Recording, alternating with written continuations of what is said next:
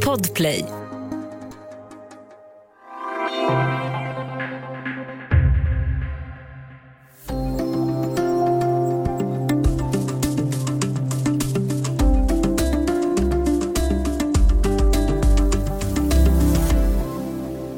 Under pandemin har efterfrågan på hundar stigit och underskottet på valpar har öppnat slussarna för mindre seriösa hundhandlare. Antalet smuggelhundar har ökat, inte sällan med för djuren fatala konsekvenser. Smugglingen bestämde också den lilla pomeranian-valpen Dottis öde. Välkommen till Studio DN. Jag heter Sanna Thorén Björling.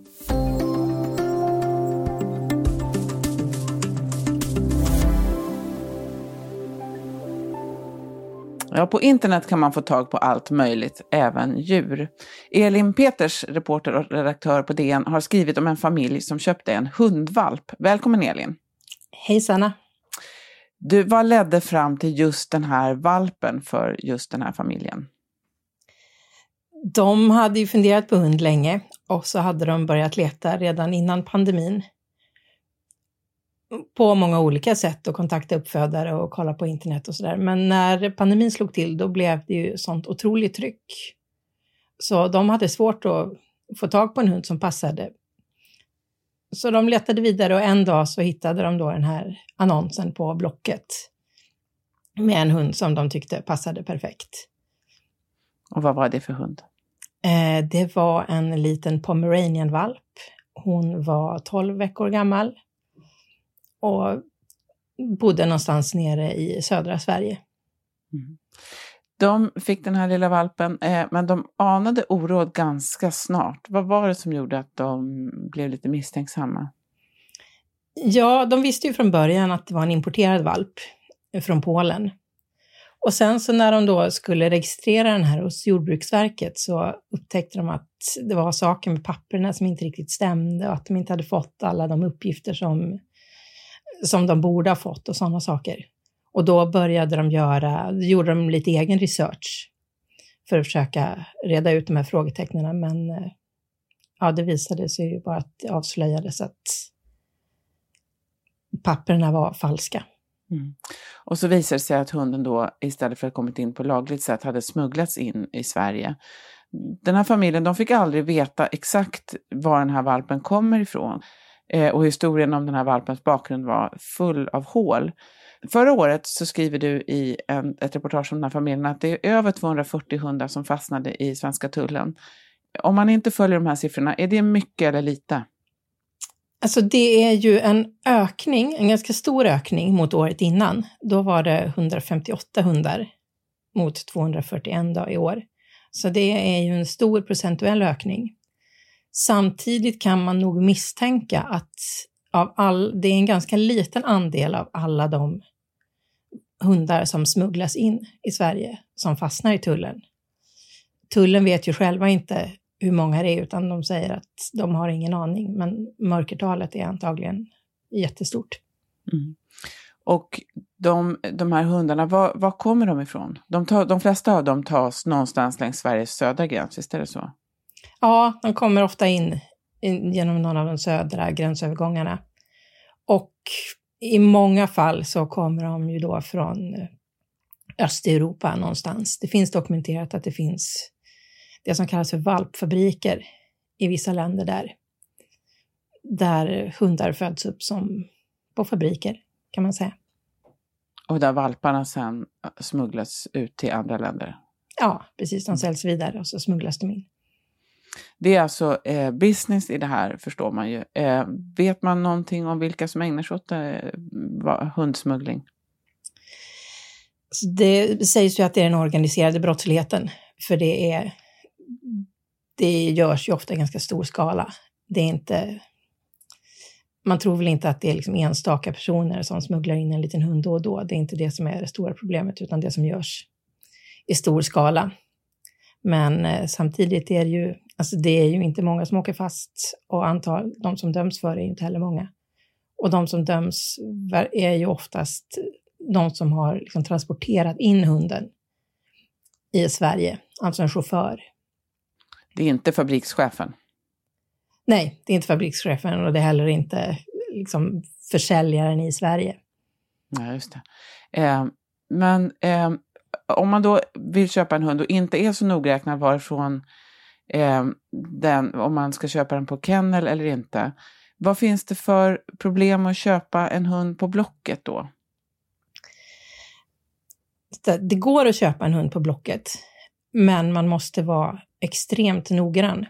Man måste ju, om man vill, om man är hundvän, vilket man kan anta att man är om man vill köpa en hund, så måste man ju säkerställa att den här hunden liksom kommer från förhållanden som man kan kontrollera.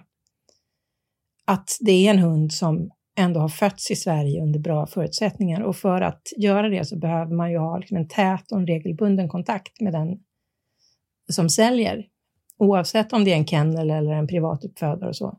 Men man måste, alltså man bör ha träffat mamman, man bör ha sett hundarna i dess hemmamiljö. Man bör gärna ha varit där flera gånger och sett, liksom så att man får en kontinuerlig relation. Därför att om man köper en hund på Blocket av någon som, liksom där man kanske bara har ett swishnummer, då har man ingen möjlighet att gå tillbaka till den uppfödaren eller säljaren att, och liksom fråga saker om hunden och kontrollera bakgrund och papper om något är oklart och så. Och det är, är det en seriös uppfödare så vill man kunna göra så. Att man har kontakt. Vi ska alldeles strax prata mer om vilka risker det kan finnas med att köpa en hund på nätet.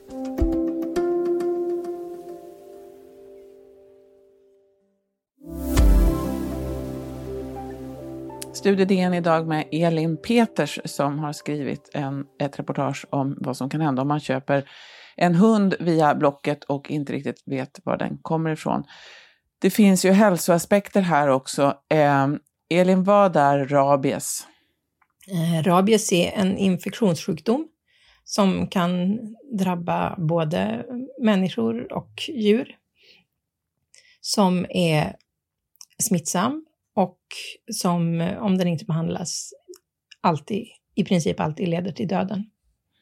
Man har ju väldigt eh, någon slags bild av rabies, man kanske från har läst om det eller sett det och hört talas mycket om rabies. Sverige har ju inte rabies. Hur, har, hur kommer det sig? Hur har Sverige kunnat bli rabiesfritt?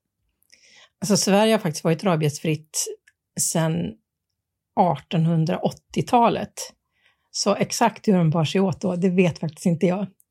Men nu så har man ju alltså, krav på rabiesvaccinering för hundar som tas in till exempel. Och så ett övervakningssystem. Men det finns ju rädsla för att rabies ska tas in på olika sätt i Sverige via smuggelhundar eller det finns ju också en del invasiva arter som kommer in i Sverige där man är rädd för det. Just det. För att slippa rabies måste man alltså vara väldigt sträng eh, då, eh, med kontroller och så. Hur vet man då om en hund bär på rabiessmitta? Det finns tyvärr, alltså har den inte utvecklat symptom så finns det tyvärr bara ett sätt att ta reda på det och det är genom att ta ett prov på hjärnvävnad. Och det kan man inte göra på en hund som lever utan man måste avliva den först. Eh, du sa att det finns vaccin här. Man undrar ju så här, kan man inte vaccinera en hund som, som man i förebyggande syfte? Vet du det? Alltså om man inte vet om den har eh, symptom eller om den är smittad. Det skulle inte fungera kanske? Alltså jag antar att det är som med covidvaccin. Att om du vaccinerar någon som redan är smittad så kommer vaccinet inte att ha någon effekt. Men Nej. jag är inte expert på det. Men, men så brukar det vara med vaccin att alltså man, alltså om man har blivit utsatt för rabies så är det ju en annan typ av behandling som man får. Mm. Eh, och det kan gå ganska lång tid, som jag förstår det, mellan det att man blir smittad och det att en hund visar symptom. Det kan gå jättelång tid. Ja, inkubationstiden kan ju variera från bara ett par dagar och upp till ett år faktiskt. Ja. Så rent teoretiskt sett skulle man kunna säga att om man har en hund som man misstänker skulle kunna vara rabiessmittad, som i det här fallet med, med Dotti, så skulle man kunna isolera den då och vänta och se om den utvecklar rabies. Men att isolera en hund från både människor och djur i ett år, det, ja, det kräver väldigt speciella omständigheter. Det låter som djurplågeri det också. Eh, för det var ju det som den här familjen då ställdes inför, som du beskriver, att eh, de visste inte riktigt var den här hunden kom ifrån och då var, kunde de inte heller vara säkra på att den var fri från rabies. Så vad innebar det för dem? Ja, det var ju väldigt, alltså det var ju väldigt, väldigt liten risk att den skulle ha rabies. Men om den skulle ha varit smittad av rabies så är det ju, alltså finns ju ändå risken att den skulle smitta familjen. Man vet ju hur valpar är, de biter ju på allt möjligt och slickar barn i ansiktet och så. Och rabies, det smittar ju via saliv. Så det fanns ju, även om det var en liten risk, så fanns det en risk att hunden i så fall hade smittat familjen. Och i så fall så skulle ju familjen behöva behandling. Och för att få veta det, man behöver behandling innan symptomen har brutit ut för att, för att klara sig. Och för att veta om den ah, då var smittad innan symptomen hade visat sig så var de tvungna att välja om de ville avliva den.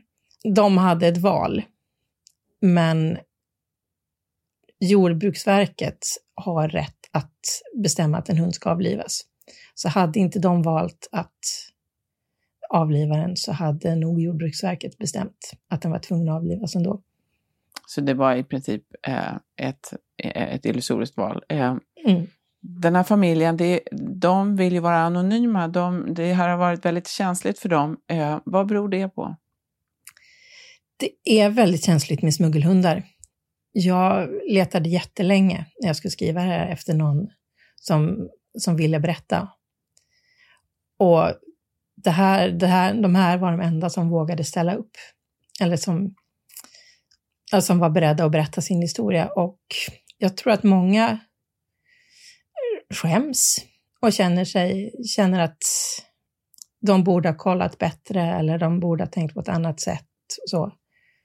Ja, och sen så är det ju jobbigt att behöva fatta en sån här, den här typen av beslut, att avliva ett djur som man har hunnit fästa sig vid. Så det var väldigt känslosamt för dem också. Mm. Jag tror att det spelade en stor roll i det här beslutet. Den här hunden de köpte, den hade ju inte rabies då. Du sa att risken var liten, men den, den, och det visade sig också att den var, had, var ju frisk. Vet man hur många hundar som kommer in olagligt i Sverige som, som har, bär på rabiessmitta? Eh, än så länge så har man inte upptäckt någon. Nej. Eh, hur mycket vet, då du var inne på det här med mörkertal och så, eh, vad säger tullen och andra eh, hundexperter, jag tänker på kanske kennelklubbar eller veterinärer och så. Vad säger de om mörkertal och, och risken för sjukdomar? Rabies är ju kanske den värsta, men det finns ju andra sjukdomar. Ja, det är ju rabies som man framförallt är rädd för. Och det är, det är ju också ett ganska bra argument mot smuggelhundar. Det blir väldigt tydligt. Alla förstår hur allvarligt det är. Men det finns ju många andra, alltså de här hundarna som föds upp på valpfabriker och så, de har ju haft en vidrig tillvaro och i många gånger så kan ju de också ha liksom beteendeproblem och så när de kommer. Så alla vill ju stoppa hundsmugglingen. Men det man oftast hör är ju att det är köparna som, ska, som måste tänka efter. Man ska, alltså om, man, om folk slutar köpa smuggelhundar så dör marknaden. Och då kommer, inte de här, då kommer man inte fler, föda upp mm. fler hundar som är tvungen, tvungna att lida på det här sättet. Det leder oss fram till sista frågan här då. Vad ska man alltså ha koll på om man vill köpa en hund? Eh, man ska ha en bra relation med den man köper hunden av. Man ska ha fullständiga uppgifter till den med namn och personnummer och kontaktuppgifter och så. Och sen så ska man ha ordentliga köpavtal. Det finns, en, det finns långa listor med olika typer av registreringsbevis och köpavtal och vaccinationer och sådana saker som ska uppfyllas om man tittar på Jordbruksverkets hemsida till exempel. Och Svenska Kennelklubben har ju också mycket information. Så man ska läsa på innan man köper en hund. Man ska inte... Alltså även om man faller för en jättegullig hund och tänker kanske att man räddar den från en ond smugglare, så ska man inte göra det därför att det kan få så obehagliga konsekvenser för, för både djuren och en själv. Var hårdhjärtad och kallhamrad och läs på och sen kan man eh, gå ut och vara glad med sin nya hund. Tack ska du ha, Delin Peters, för att du var med i Studio DN idag. Tack Sanna. Studio DN görs för Podplay av producent Madeleine Longo, exekutiv producent Augustin Erba, ljudtekniker Patrik Miesenberger och teknik Jonas Lindskog, Bauer Media. Jag heter Sanna Thorén Björling.